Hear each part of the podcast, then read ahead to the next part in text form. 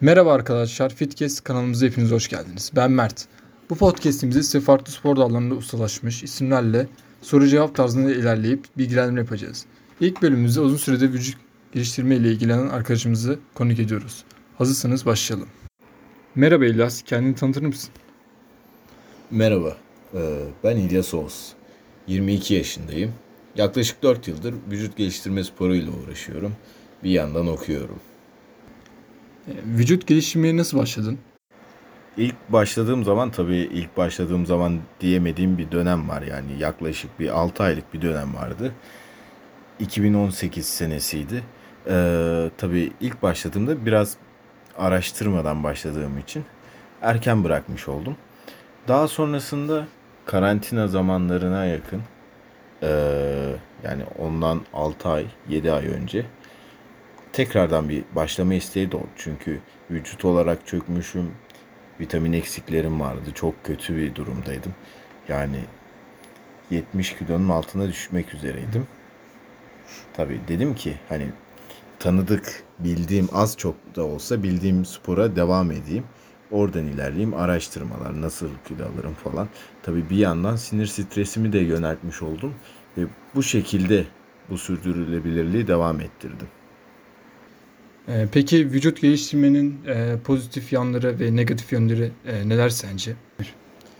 Önce negatifle başlarsam eğer yani pek bir negatif yönü olduğunu söyleyemem. Tabii bizim bulunduğumuz ülkede şöyle bir negatif yönü var. Maddi olarak sizi çok zorlayabilir. Ha tabii ucuz alternatifleri de var. Oradan ilerleyebiliriz ama yani bu daha estetik görünüm falan filan için hani sizi etkileyebilir. Onun dışında bir negatif yönü yok. Tabii kendini çok kaptıranlar olabiliyor. O, o tarz durumlar farklı. Yani mesela giremeyeceği ağırlığa giriyor adam. E, deadlift yaparken bel fıtığı olmuş. Öyle durumlar olabiliyor. Pozitif olarak ise yani ilk başta sağlıklı bir insan oluyorsunuz. Yani bir hareketliliğiniz oluyor hayatta. Tüm sinirinizi, stresinizi yönlendirebileceğiniz bir e, alanınız oluyor. Yani bu sizi gün içerisinde daha sakin kılıyor. Hareketini, hareketinizi, enerjinizi çıkartmış oluyorsunuz. Negatif olan tüm enerjinizi orada bırakıyorsunuz. Tabi görünüm olarak da bir katkısı var. Yani vücut olarak, kondisyon olarak falan kendinizi çok iyi hissediyorsunuz. Peki, teşekkürler. Sıradaki soruya geçelim o zaman. E, Peki spor yaparken seni e, en çok motive eden ne ve idol olarak idol olarak aldığın birisi var mı yani? Beni motive eden şey hedeflerim, hırsım. Ee, başka bir şey yok. İdol olarak da kesinlikle Arnold'u örnek alıyorum. Karakteri olsun, hayatı olsun, kariyeri olsun. Tam olarak yani düşünceleri olsun, her şeyini örnek alıyorum. Onun yolundan ilerlemeye çalışıyorum. E, Peki spor yaparken e, bir pişmanlığın oldu mu yani? Keşke yapmasaydım dediğin ya da yapsaydım dediğin bir şeyin oldu mu acaba? Yani yapmasaydım diyeceğim şeyler şöyle ilk başta dediğim 6 aylık dönemdeyken ben yemek olarak e, hiçbir şeyi araştırmamıştım. Ne yemem gerekiyor, ne almam gerekiyor, ne kadar protein alacağım, karbonhidrat alacağım, kaç kalori alacağım. Hiçbir şeye bakmazdım ki tabii o zamanlar gittiğim salonda ilgilenen de yoktu doğru düzgün. Yani biraz karı kız peşinde koşan hocalar var ya o tarz olurdu. O yüzden uykusuzluk uykusuz gidiyordum. Yani sabah 8'e kadar oyun oynardım. 12'de kalkardım. Hiçbir şey yemeden spora Uyku giderdim. düzenimize de dikkat etmemiz gerekiyor. Aynen öyle. Uyku düzeni önemli. Tabii hiç uyku da almayınca mal gibi gidiyordum. Mal gibi çıkıyordum. Yani o 6 aylık bu dönemi keşke daha iyi değerlendirseydim diyorum. Keşke biraz araştırsaydım.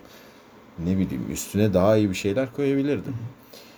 Onun dışında e, yapsaydım dediğim şeylerde şu var. E, bir dönem çok nasıl diyeyim çok az ısınıyordum.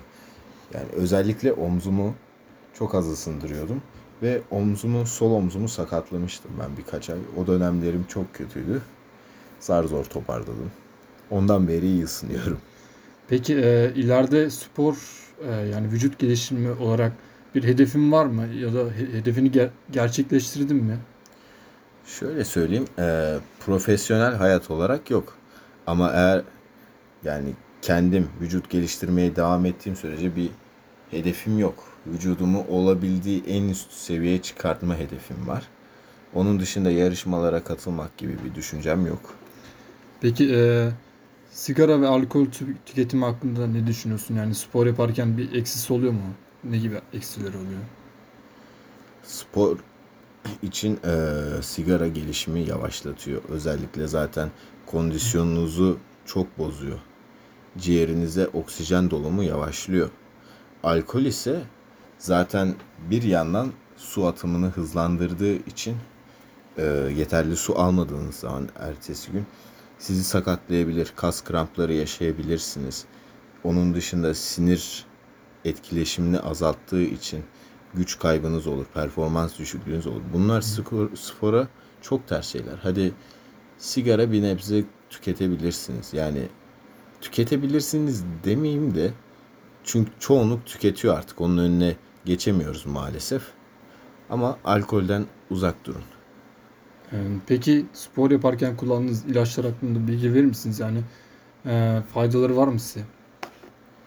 İlaçlardan kastın steroidlerse steroidler tam olarak testosteron salgılanmasını arttıran şeyler. Yani bunlar çok güçlü ilaçlar. Tabii ben o tarz şeyleri kullanmıyorum. Bu tarz ilaçları e, yarışmacılar, yarışmaya katılanlar kullanıyor. Ve çok yüksek kütleler koyuyorlar kısa bir dönemde. Peki son olarak e, vücut geliştirmeye başlamak isteyenlere ne öneri, ne tavsiye verirsin? Yani Kesinlikle bilinçli bir şekilde yapın. Yemeniz, içmeniz, hedefiniz neyse eğer ona göre ayarlayın. Bunu araştırın. Uyku düzeninize dikkat edin. Programınıza dikkat edin. Ve ısınmayı mutlaka unutmayın. Benim gibi omzunuzu sakatlamak istemezsiniz. Teşekkürler. Evet arkadaşlar podcastimizin sonuna geldik. Bugün İlyas Oğuz bizimle birlikteydi vücut geliştirmeci olarak. Ee, sonraki bölümlerde görüşmek üzere. Hoşçakalın. Takipte kalın.